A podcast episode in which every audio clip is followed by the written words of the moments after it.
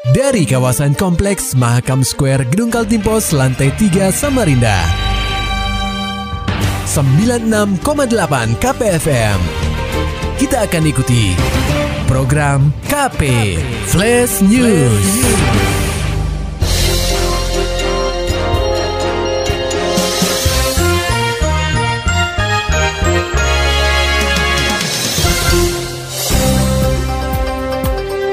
Anda sedang menyimak program KP Flash News bersama saya Agung Pratama. Berita utama.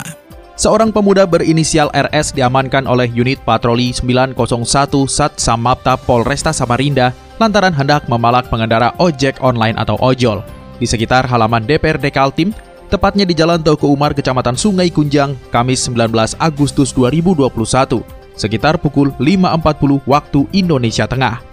Kasat Samapta Polresta Samarinda Kompol Ahmad Abdullah menerangkan, kejadian bermula saat jajarannya tengah melaksanakan patroli di Jalan Antasari. Saat itu, anggota menerima informasi terjadinya pemalakan terhadap ojol di sekitar kawasan DPRD Kaltim. Anggota bergerak ke uh, sumber informasi di mana di depan kantor DPRD informasi terjadi pemalakan oleh empat orang pemuda.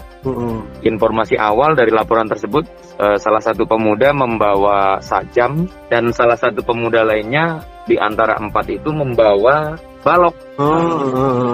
Ya.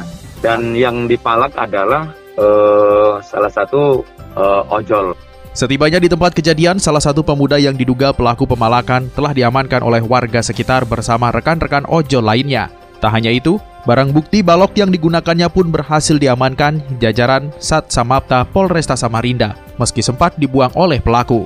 Perwira Melati satu ini menduga pelaku sedang dalam pengaruh alkohol sehingga nekat melakukan pemalakan terhadap pengendara ojol ini. Namun, dari empat terduga pelaku, hanya satu yang saat ini berhasil diamankan pihak kepolisian. Ya, kewajiban kami pertama setelah dengan quick respon mendatangi TKP, mengamankan pelaku dan menyarankan kepada pihak ojol tadi yang menjadi korban uh, percobaan pemalakan uh, mengarahkan untuk datang ke Mako Poresta dan pelaku dibawa langsung oleh unit patroli ke Poresta dan diserahkan ke unit reskrim. Okay. Uh, kewajiban kami sudah sampai di situ dan tindak lanjut dan pengembangannya tentunya oleh rekan-rekan dari Satreskrim ya. Berkaca dari kejadian ini, Ahmad berpesan agar seluruh masyarakat kota tepian untuk senantiasa lebih berhati-hati dalam beraktivitas, terutama di waktu-waktu tertentu saat aktivitas masyarakat belum padat dan ketika melintasi jalan-jalan tertentu yang cenderung sunyi.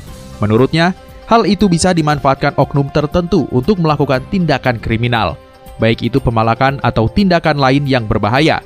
Oleh sebab itu, Ahmad berharap warga bisa meminimalisir hal ini dengan melintasi jalan yang padat dari aktivitas masyarakat, sehingga pelaku kejahatan cenderung tidak berani melakukan tindakannya. Berita selanjutnya, Pemkot Samarinda telah menyetujui untuk menaikkan tarif retribusi tambat kapal di setiap dermaga. Laporan selengkapnya akan disampaikan reporter KPFM Samarinda, Muhammad Nur Fajar. Setelah melalui proses yang panjang, Pemkot Samarinda akhirnya telah menetapkan tarif baru untuk retribusi tambat kapal di kawasan dermaga. Hal itu tertuang dalam Perwali nomor 8 tahun 2021 tentang penetapan tarif retribusi pelayanan ke pelabuhan. PLT Kepala Dinas Perhubungan atau Dishub Kota Samarinda, Herwan Rifai mengatakan, Wali Kota Samarinda, Andi Harun, telah menyetujui kenaikan tarif untuk biaya tambat kapal. Namun, khusus tarif masuk dermaga tidak ada perubahan. Berdasarkan perwali yang baru, Herwan menyebutkan tarif tambat untuk perahu ketinting, kapal penumpang dan penyeberangan atau sejenisnya dikenakan biaya Rp5.000 per hari. Sementara untuk tambat kapal penumpang dan barang antar kota atau kabupaten dikenakan biaya Rp35.000 per harinya. Kemudian, kapal angkutan BBM dan kapal khusus tarik tipe sungai dikenai biaya tambat sebesar Rp50.000 serta biaya tambat kapal khusus tarik takbut dan LCT sebesar Rp75.000. Khusus untuk tambat kapal ponton dan sejenisnya, diterapkan biaya sebesar Rp100.000 per harinya. Kan itu oh enggak, naik. Banyak kan seperti tambat apa tuh 5.000 jadi 35.000 kalau enggak salah aku. Itu. Oh, jadi 35 ribu. Nah, tambat kapal tuh kan, tambat kapal seperti Kunjang tuh lah. Hmm? Kan itu sering tambat kapal. Hmm Dulu kan per hari itu cuma lima ribu. Iya, yang gak ada batas waktunya itu. Nah, yang tidak ada batas waktu. Nah, Eh. sekarang 35.000 per hari. Meski sudah mendapat pengesahan dari Pemkot Samarinda, PLT Kepala Disub Kota Samarinda, Herwan Rifai menegaskan pihaknya akan terlebih dulu melakukan sosialisasi selama tiga bulan terkait kenaikan tarif tambat. Nantinya, pada bulan keempat, barulah tarif yang baru ini berlaku tanpa pengecualian. KPFM Samarinda, Muhammad Nur Fajar melaporkan. Pendengar KP, IKN tak disinggung saat pidato tahunan Wagub Mulyadi tanggapi santai. Beritanya disampaikan reporter KPFM Samarinda, Maulani Alamin. Dalam sidang tahunan MPR bersama DPR dan DPD yang berlangsung Senin 16 Agustus 2021, Presiden Joko Widodo atau Jokowi tak menyinggung soal pemindahan ibu kota negara atau IKN. Dengan demikian, Jokowi sudah dua kali tak menyinggung rencana ibu kota baru dalam kesempatan yang sama. Sebab pada pidatonya tahun lalu, Jokowi juga tak menyinggung soal pindah ibu kota. Ihwal pemindahan ibu kota ini disampaikan Jokowi dalam sidang yang sama di tahun 2019. Pada kesempatan itu, sang presiden meminta izin untuk memindahkan ibu kota ke Pulau Kalimantan. Menanggapi hal ini, Wakil Gubernur Kaltim Hadi Mulyadi mengatakan, dalam kondisi seperti ini, pemerintah lebih fokus dalam menekan penyebaran COVID-19. Menurutnya, pemerintah tahu bagaimana bersikap. Kamu enggak nonton? Enggak ada.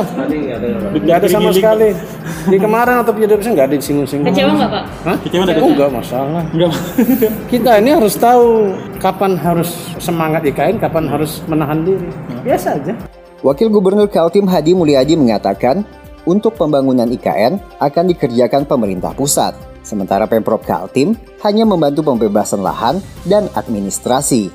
KPFM Samarinda, Maulani Al-Amin, melaporkan.